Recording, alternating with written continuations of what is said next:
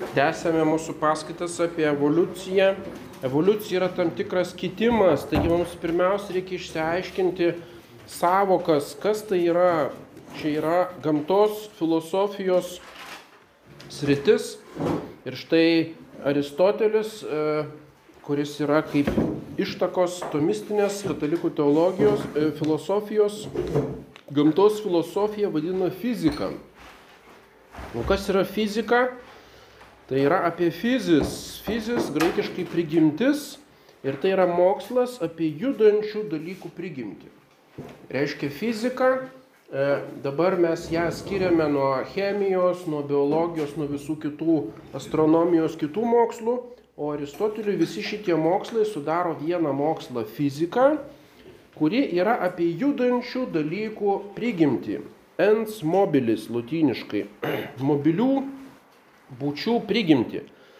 Reiškia, kokia yra jų prigimtis arba jų vidinės savybės ir būtent tik tai apie judančius dalykus. Ir kas yra apie nejudančius dalykus, tai yra metafizika arba tai, ką mes vadiname teologija, tai yra Dievas, kuriame nėra jokių kitimų. Taigi visų šito kosmoso dalykų tokia esminė pirminė savybė tai yra judėjimas, kinezis graikiškai, kinetika. Ir šitą judėjimą mes turim suvokti ne vien kaip judėjimą erdvėje, reiškia tas vadinasi lokomocijo, reiškia iš vieno taško į kitą, bet visus procesus, kaip dabar vadiname. Reiškia visa tai, kas kinta, kas vyksta, kas dedasi šitame pasaulyje, visa tai yra kinezis arba judėjimas.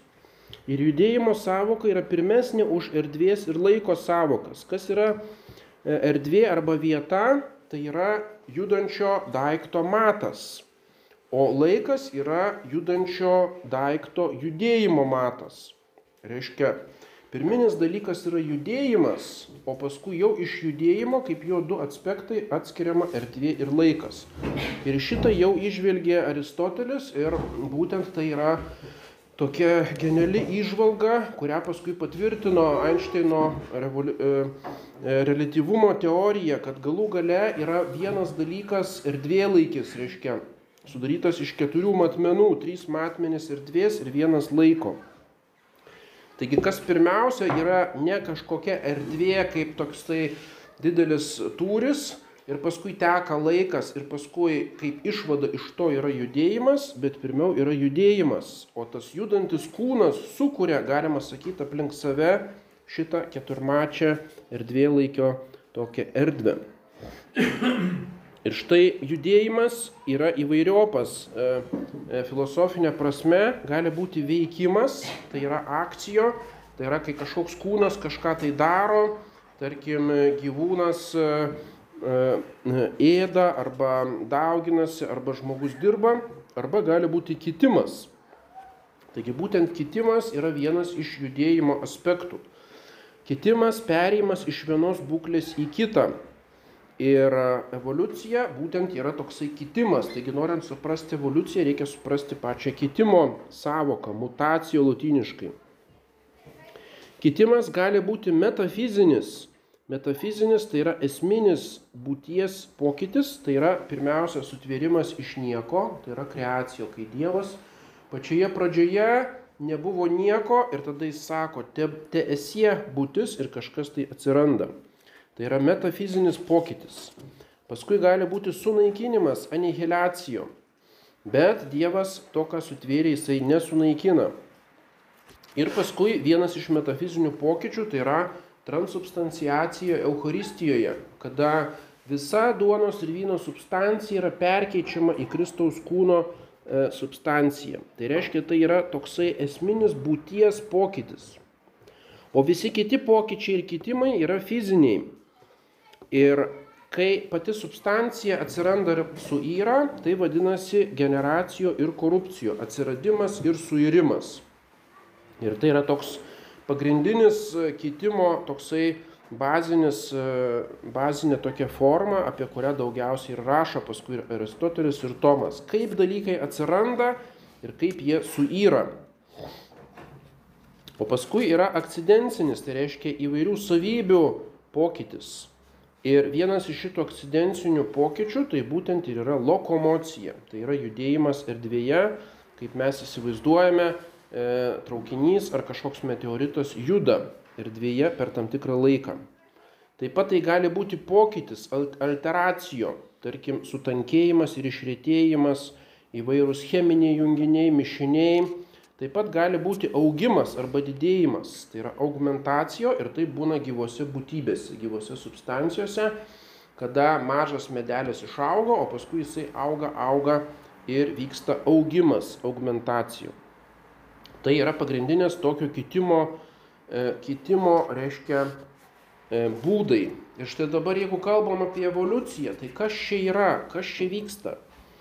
E, jeigu mes kalbame apie rūšių atsiradimą, mes neturėtume taip įsivaizduoti, jeigu esame prieš darvinistinį evoliucionizmą, kad tai yra metafizinis pokytis, sutvėrimas iš nieko.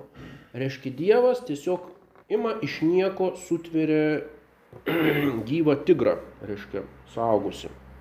Nieko nebuvo, o paskui starė tebūnie ir atsiranda tasai tigras. Ir taip per visą istoriją kiekviena rūšis e, reiškia sutveriama iš nieko. Šito nepostuluoja nei senieji e, katalikų teologai, tomistai, nei e, dabartiniai priešininkai arba opo, oponuojantis evoliucijos teorijai.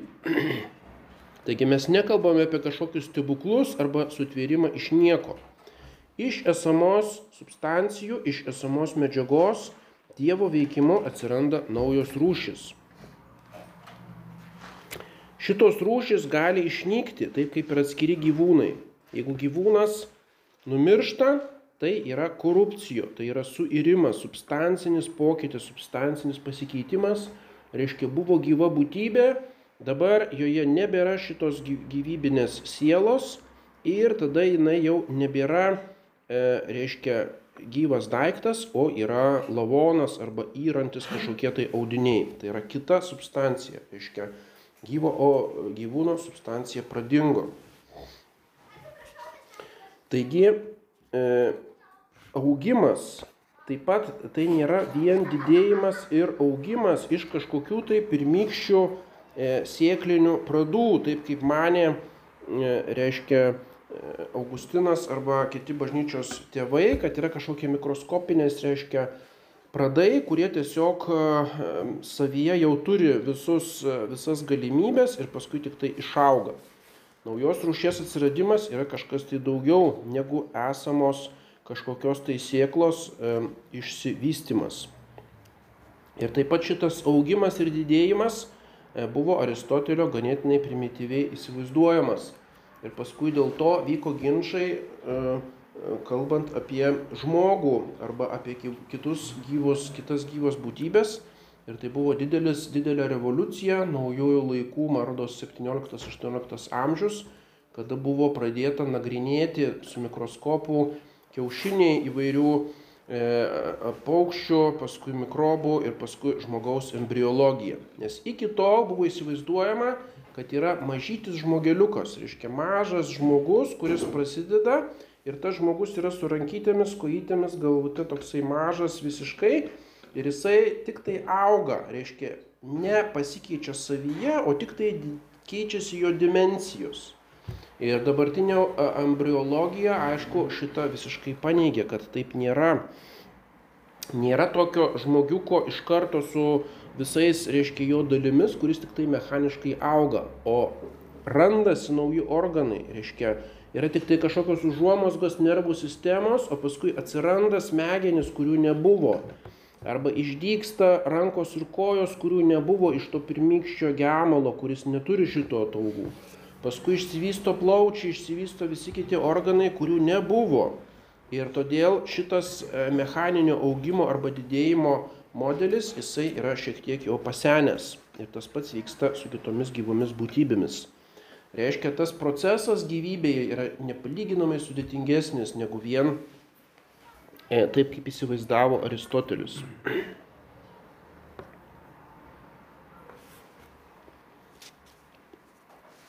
Aristotelis išskiria tris vegetatyvos sielos tokias galias. Kaip vyksta tas gyvos būtybės kitimas arba tas e, jos gyvenimas, reiškia, pirmiausia vyksta maitinimas, maitinančioji gale, kada jis priima tam tikras medžiagas iš išorės.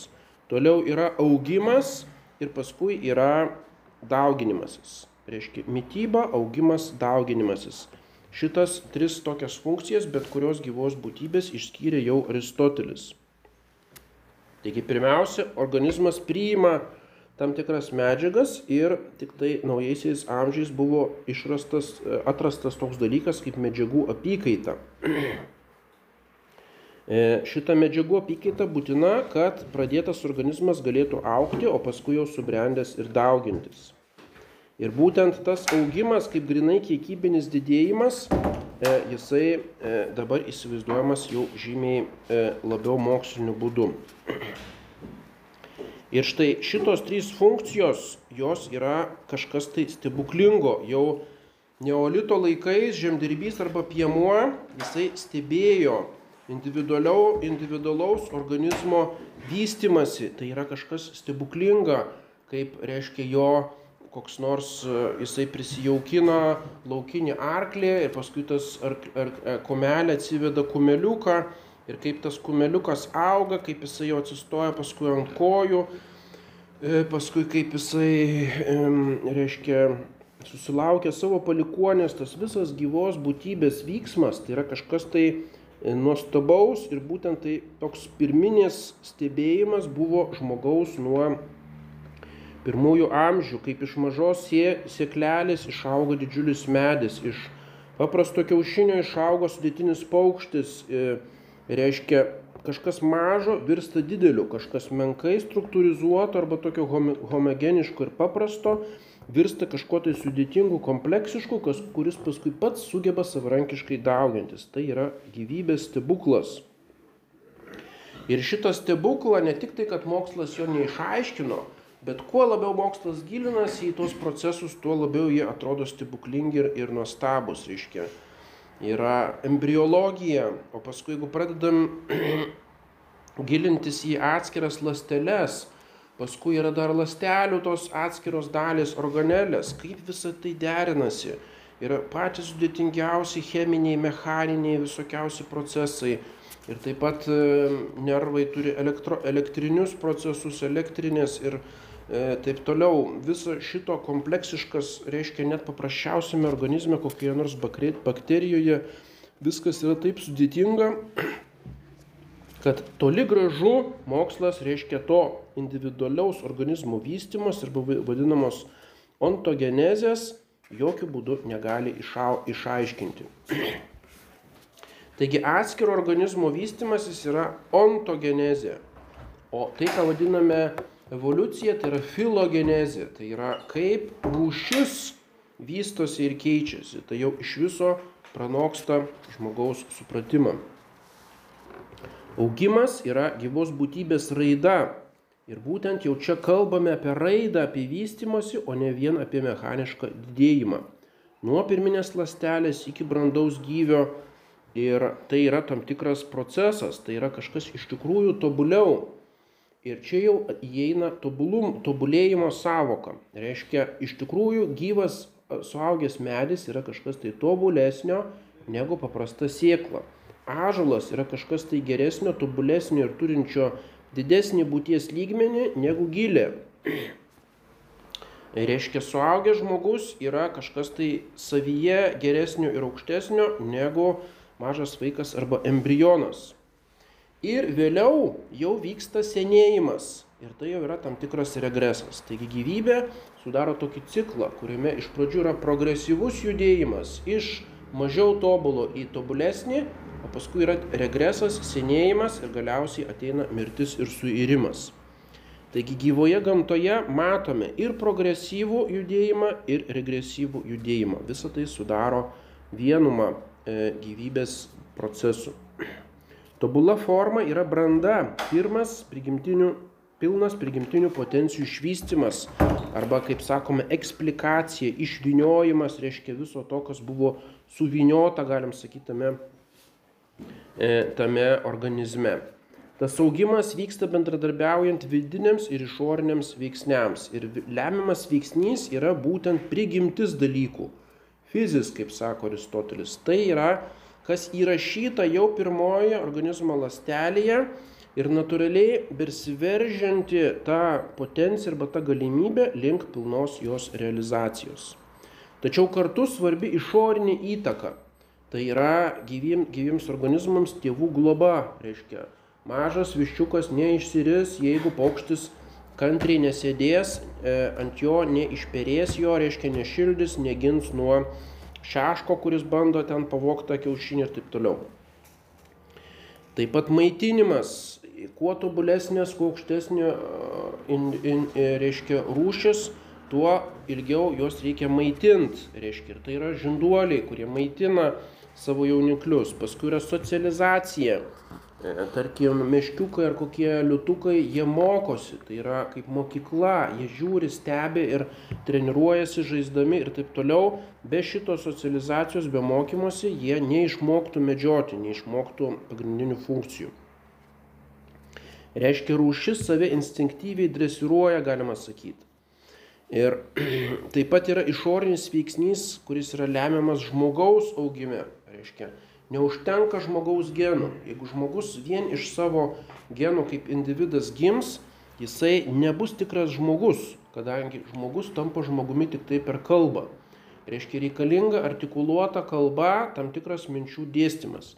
Net jeigu aš vienas atsisėdęs kažką tai galvoju, vis tiek aš formuluoju tam tikrus žodžius. Ir be šitų formulavimo žodžių tam tikros kalbos aš negalėčiau net mąstyti. O kalba yra įmanoma tik tai mokantis tos kalbos iš savo tėvų, iš aplinkos. Tai reiškia, be šeimos, be tam tikros bendruomenės žmogus net negalėtų tapti tikrų žmogumi. Ir turime tuos pavyzdžius mauglių visokių e, vilkų vaikų, kurie, reiškia, išauginti nežūdavo kažkur tai gamtoje. Jie neišmokdavo šitos socializacijos kalbos ir paskui žmonės juos rasdavo ir jie nebesugebėdavo pristaikyti prie žmonių gyvenimo, jie išlikdavo kažkokiame tai mažam, žemesnio, e, reiškia, išsivystimo lygmenyje. Reiškia, auklėjimas, kalbos mokymas ir kultūros mokymas ir švietimas tai yra kaip baziniai tokie absoliučiai reikalingi dalykai, kad žmogus apskritai taptų žmogumi. Tai reiškia, žmogus nėra vien biologinis iš savo prigimties dalykas, bet galima sakyti, jis yra pedagogikos meno kūrinys, jis yra kaip artefaktas arba, e, reiškia, dalykas, kuris yra iš išorės tam tikrų būdų suformuotas. Jis ne tik pats auga, bet yra auginamas. Ir tai yra samoninga veikla, kaip jį išauklėti ir išauginti. Tai yra pagrindinė užduotis kiekvienoje, kiekvienoje bendruomenėje nuo seniausių laikų. Tai reiškia, be šitos bendruomenės, be tam tikros organizuotos veiklos ir be artikuluotos kalbos, žmogus iš vis nebūtų žmogumi ir negalėtų tapti žmogumi. Tai jeigu kalbame apie paleontologiją ir antropologiją ir žmogaus vystimasi, tai yra esminis klausimas, kad reiškia kažkokia tai bežion žmogė, kuri reiškia neturi viso šito mechanizmo ir neturi kalbos, kad jinai taptų žmogumi su kalba, yra praktiškai filosofiškai, antropologiškai neįmanoma. Tai yra visiškai klaidingas, klaidingas kelias. Ir trečia funkcija gyvų organizmų yra dauginimasis, reprodukcija. Įgalina tos pačios būtybės rūšies būtybių kartų kaitą. Ir vėlgi yra ciklinė istorija. Individai gimsta ir miršta, o rūšis išlieka.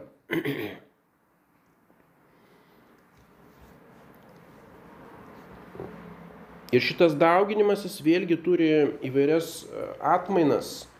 Būna nelytinis dauginimasis, kuris iš esmės yra augimo tam tikra kaip braškės, reiškia, kurios išveda e, ataugas ir paskui iš jų išauga nauji braškių krūmeliai, kurie yra genetiškai absoliučiai identiški su ta pirmąja braškių krūmeliu. Arba kaip, reiškia, nesėkliniai augalai, tarkim paparčiai, jie tiesiog išsiskiria iš jos tą sporą, kuri tiesiog mechaniškai atsiskiria, nukrenta ir tampa naujų gyvių su pilna vegetatyvinė siela. Ir reiškia, iš jos, iš jos vėl išauga toks pat papartis. tai reiškia, paparčio žiedo ieškojimas yra beviltiškas, nes žiedas jau yra lytinio dauginimuose, tai yra visiškai aukštesnio lygio dauginimuose, reiškia, forma.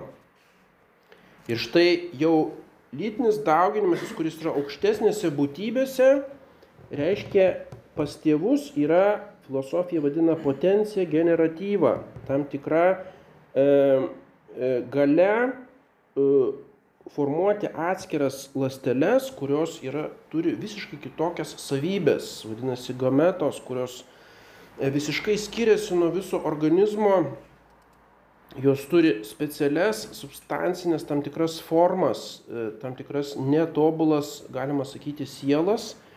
E, ir štai įvyksta naujos gyvybės pradėjimas. Ir kada tas gyvybės tiksliai prasideda, kurio momentu, vėlgi tai yra paslaptis, kaip įvyksta tų pirmųjų lastelių, ta visa mechanika, chemija ir e, E, susiformavimas naujos, e, naujos lastelės, tai yra kažkas tai nuostabaus. Reiškia, kuo mokslas daugiau gilinasi, tuo jis mažiau gali iš esmės suvokti tuos tris e, gyvybės procesus. Tai yra maitinimasis arba medžiagų apykaita.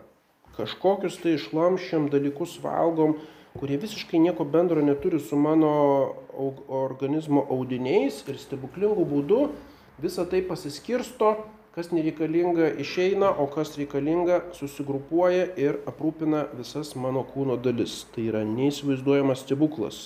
Nutrityva, mytyba, medžiagų apykaita. Antras, augmentatyva, augimas. Kaip vyksta augimas? Senėjimas vėlgi nėra tik tai mechaninis toksai procesas, kad kažkas tai nusidėvi arba neveikia, bet kūnas sensta, reiškia, jis tam tikras struktūras iš tikrųjų formuoja visiškai naujas, jis adaptuojasi tam senesniam, reiškia, senam organizmui yra visai kitokios fiziologija, jisai labiau sugeba saugoti energiją, jisai mažiau išeikvoja energijos ir taip toliau, reiškia, tai yra vėlgi E, kūrybiškas, galim sakyti, e, organizmo prisitaikymas. Dauguma ankstesnių būtybių iš vis nesenėja, jisai gyvena tiek, kiek gali susilaukti palikonių ir paskui žūsta, reiškia visiškai nereikalinga ta senatvė. O būtent toms aukštesniems būtybės žinduoliams ir ypač žmogui senatvė tai yra kaip esminis tarpsnis. Nes kiekvienoje bendruomenėje tie senoliai arba, reiškia, e, e, E, tas tie senolių arba seniorų taryba, reiškia, yra tai, kas perdoda visą tą mokymo ir auklėjimo tradiciją jaunesniems kartoms. Ir todėl tai yra kaip absoliučiai bazinė funkcija senimo visose šitose tradicinėse visuomenėse. Ir galiausiai dauginimasis, kuris yra stebuklas. Ir būtent pas žmogų jau nuo pradžios knygos E, lyčių papildomumas ir santoka ir naujų kartų, e, reiškia, gimimas yra kažkas tai švento, tai yra kažkas sakralaus, sakralus dalykas. reiškia, tai nėra vien kažkokia tai fiziologinė funkcija, kurią galim e, savarankiškai manipuliuoti, bet jinai turi tam tikrą šventą matmenį. Taigi visą tai, visus tuos tris aspektus kartu vadiname gyvybės stebuklų. Ir tai yra ontogenezė, tai yra individualaus e, organizmo. O štai dabar mes kalbame apie ištisas rūšis arba apie visą gyvybę. Tai galime įsivaizduoti, kaip dar viskas sudėtingiau tampa. Ir dabar esminis žodis dar vienas yra progresas arba pažanga. Ar evoliucija yra tam tikra pažanga, ar nėra? Ir čia yra toks kaip bazinis klausimas. Yra senas latiniškas žodis progresus, tai yra žengimas į priekį, kuris tik tai maždaug 1600 metais, jau kai atsirado tas modernus mąstymas, modernus mokslas, reiškia progresizmo ta tokia idėja, įgavo perkeltinę reikšmę. Tai yra pažanga į aukštesnį lygmenį, augimas, vystimasis arba tobulėjimas. Taigi galim sakyti, kad dabartinė pažangos savoka atsirado prasidėjus modernybei, prasidėjus moderniesiams laikams. Tai nėra sena savoka. Reiškia, Aristotelis Tomas iš vis nediskutuoja to klausimu, nes jis dar iš vis nebuvo net tokio žodžio progresas. Ir štai jeigu kalbame apie filogenezę, būčių, būtybių biologijoje radimasi, nebejotinai matome tam tikrą progresą. Ir šitai neikti, tai yra, e, reiškia neikti, kad e, reiškia, vabzdys yra tobulesnis už bakteriją, o žinduolis yra tobulesnis už vabzdį, nu, tai rei, iš vis yra sveiko proto dalykas, reiškia matyti, kad tai yra aukštesnis kompleksiškumas aukštesni tikla, tikslai, aukštesnės e, visos biologinės funkcijos ir taip toliau. Ir todėl aiškiai matome tam tikrą progresą gamtoje. Tai yra laipsniai tam tikri. Reiškia, vegetatyvinė gyvybė, augalai yra kažkas tai žemesnio už sensityvinę gyvybę, už gyvūnus. O žmogus kaip racionali būtybė yra aukštesnė už gyvūnus. Ir reiškia, yra tos trys pakopos e, gyvoje gamtoje ir tų e, pakopų neįgymas yra visiškai klaidingas. Ir paskui matome, kad aukštesnės formos jos atsirado vėliau. Pirmiau buvo žemesnės formos, o paskui yra aukštesnės formos. Lygiai tas pats yra šventajame rašte. Pirmiau Dievas želdina, reiškia, žemė išželdina augalus, paskui yra gyvūnų sutvėrimas, paskui yra žmogaus sutvėrimas. Reiškia, yra tam tikras progresyvi laikė, tam tikras vyksmas. Ir lygiai tą patį patvirtina mums paleontologija, archeologiniai, reiškia, radiniai, kad iš pradžių nebuvo šitų sudėtingų būtybių, jos atsirado vėliau. Ir būtent šitą progreso arba pažangos e, veiksnį neigia evoliucionizmas. Sako, nėra čia jokios pažangos. Sako, skrusdėlė yra, sa, kas yra esmė evoliucionizmui. Tai yra fitness, reiškia, galimybė prisitaikyti, reiškia. E, fitness kaip ir sporte, reiškia, fitnesso, ką jie daro. Jie visas savo kūno funkcijas, reiškia, e, išnaudoja, bet tai fitnesso sportininkas nėra kultūristas ir nėra lengvaatletis. Reiškia, fitnese nebūtina nubėgti kuo greičiau 100 metrų arba užsiauginti 100 kg raumenų arba, reiškia, kažkokį kito dalyką. Fitnesas tai yra kaip bendras prisitaikymas viso organizmo prie sveiko gyvenimo būdo.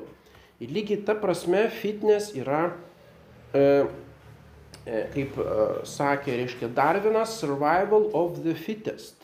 Reiškia, kas išlieka, kas turi, gali išgyventi, ne tas, kuris didžiausias ten dinozauras su didžiausiais dantimis, nedramblys yra labiausiai fitest, arba koks nors, arba tigras, kur, leop, gepardas, kuris sugeba ten kiek ten kilometrų per valandą greičiu bėgti, ne paukštis, kuris sugeba skraidyti ar kas, kažkas, o fitest yra tas, kuris tam tikromis sąlygomis geriausiai prisitaiko prie savo aplinkos ir sugeba pagimdyti daugiausiai vaisingų palikonių. Tas yra fitas. Ir reiškia, tas e, kiekvienam organizmui jo fitness skiriasi priklausomai nuo aplinkybių. Tarkim, aš esu fitest, aš kokio, koks nors ten elnes, puikiausiai turi žolės, ėda, reiškia, jo bandos didėja, bet paskui pasikeičia klimatas ir vietoj tų žolė stepių pasidaro dykumos ir staiga jau tas elnias nebėra fitest. Ir arba jisai prisitaiko prie tos aplinkos ir sugeba prasimaitinti kažkokiais tai krūmokšniais digliuotais, arba jisai išmirs paprasčiausiai. Tai reiškia, fitnesas kiekvienos būtybės priklauso nuo aplinkybių ir turi nuolatos prisitaikyti prie tų aplinkybių. Tai reiškia, tobulumas tai yra mano dabartinės būklės fitnesas pagal evoliucijos teoriją. Ir reiškia, pasižiūrim į skrusdėlę. Nueinam į šitą parką, panemunės, reiškia, stovi skrusdėlynai. Tos skrusdėlės jau šimtus milijonų metų gyvena ir čia kažkokie tai žmonės su savo šunimis vaikšto ir toms skrusdėlėms vienodai rodo. Reiškia, skrusdėlė yra toks fit gyvūnas, kad yra absoliučiai prisitaikęs prie prie pačių keiščiausių sąlygų. Tos krusdėlės gyveno dar dinozaurų laikais, kai buvo gal 20 laipsnių karštesnis klimatas, kai buvo drėgmė, kai buvo visai kitokia atmosferos sudėtis ir, ir visos visai kitokios mytybos sąlygos, jau tos krusdėlės sugebėjo repliot. Ir dabar jos toliau gyvena ir tikriausiai po atominio karo jos toliau statys savo krusdėlynus. Reiškia, jos yra super atsparios būtybės. Tai tada, reiškia, pagal evoliucijos teoriją šitas krusdėlė yra tobulesnė už kokį nors tiranozaurą, kuris ten šimtą, met, šimtą milijonų metų pagyveno ir paskui išnyko. Ir tik, tikrai bus tobulesnė už žmogų, kuris ten pagal evoliuciją, reiškia, milijoną metų pagyvens ir paskui susisprogdins su atominė bomba. Tai reiškia, krusdėlė yra tikrai šimtą kartų labiau fit. Fit turi daugiau to fitness negu žmogus. Tai ar šita logika teisinga? Aišku, kad yra ir visiškai yra iškreipta ta logika, nes jinai žiūri į akcidencijas, jinai žiūri į atsitiktinius ekologinius dalykus, kurie yra, o nežiūri į pačią būtybę, į jos, e, reiškia, sielos e, laipsnį. Aišku, kad žmogus yra daug tobulesnė būtybė už skrusdėlę. Ir žmonių bendruomenė yra nepalyginamai tobulesnė už skrusdėlyną, nors mus, mus ir stebina to skrusdėlyno organizacija ir taip toliau. Ir jeigu žmogus atsirado vėliau ir e, kiti gyvūnai atsirado vėliau už augalus ir taip toliau, tai yra tam tikras progresas. Ir būtent šitą progresą mes matome gamtoje. Ir tai, kad evoliucionizmas neigia progresą, o sako, kad yra tiesiog kitimas, vienų rūšių pasikeitimas kitomis, kurios yra fit, bet jos nieko nėra tobulesnės už, mm, vėles, už ankstesnės, tai yra visiškai iškreiptas požiūris. Tačiau būtent darvinistinis evoliucionizmas tai yra tik tai paskutinė evoliucionizmo, evoliucijos, galima sakyti, pakopa. O evoliucionizmo buvo ir kitos mokyklos, kurios buvo prieš Darviną ir būtent juose buvo progreso idėja. Ir būtent pats evoliucionizmas atsirado kaip tam tikras kapitalizmo, ekspansinio liberalizmo logikos tokia projekcija į gamtos pasaulį. Reiškia, mato e, tas naujųjų laikų žmogus, kad jisai vysto techniką, kad auga visuomenė, auga liberalioji ekonomika, atsiranda garvežiai, atsiranda fabrikai ir taip toliau. Žmonijos istorija kyla aukštyn, e, didesnė laisvė, gerovė tada atsiranda Hegelis, kuris visą tai suveda į tokią progreso, e, reiškia, galima sakyti, ideologiją arba filosofiją, reiškia, kai visa žmonija dialektinės, dialektinio, reiškia, priešybių kovos e, papildymo, reiškia, keliu auga vis didesnis e, progreso keliu. Ir šito progreso viršūnė tai yra kaizerinės Vokietijos imperija, pagal, reiškia, Hegelį ir taip toliau. Ir žinom, kas iš Hegelio išėjo, tai yra marksizmas, kur yra kraštutinis progresizmas, reiškia kraštutinio progreso idėja, kur klasių kovos būdu žmogus pasieks komunizmą kaip tokia, da, reiškia, rojų žemėje ir taip toliau. Taigi, tas žmogus 18-19 amžiui buvo įsitikinęs begalinę pažangą savo visuomenės e, ir taip toliau, progreso idėja buvo vyraujanti. Ir tada visiškai natūralu, kad šita progreso idėja buvo pritaikyta ir gamtai. Reiškia, gamtoje vyksta, vyksta toks pat kapitalistinė konkurencija ir toks pat kova už būvį. Ir e, tada gamta tokiu būdu vystosi. Ir tai yra komplikacija, kad būtent E, naujausia šito evoliucionizmo forma darvinizmas griežtai atmetė progreso idėjas gamtoje. O būtent kodėl ją atmetė, kodėl įvyko tas įlūžis, kodėl darvinizmas nepripažįsta progreso, todėl kad įvedus progresą reikėtų paaiškinti to progreso kilmę, iš kur atsiranda naujas tobulumas gamtoje. Ir tam reikėtų tam tikro kryptingumo gamtos istorijoje, reikėtų vadinamos teolo, teleologijos arba tikslingumo ir galiausiai reikėtų Dievo. Ir šitas Darvinui yra visiškai nepriimtina.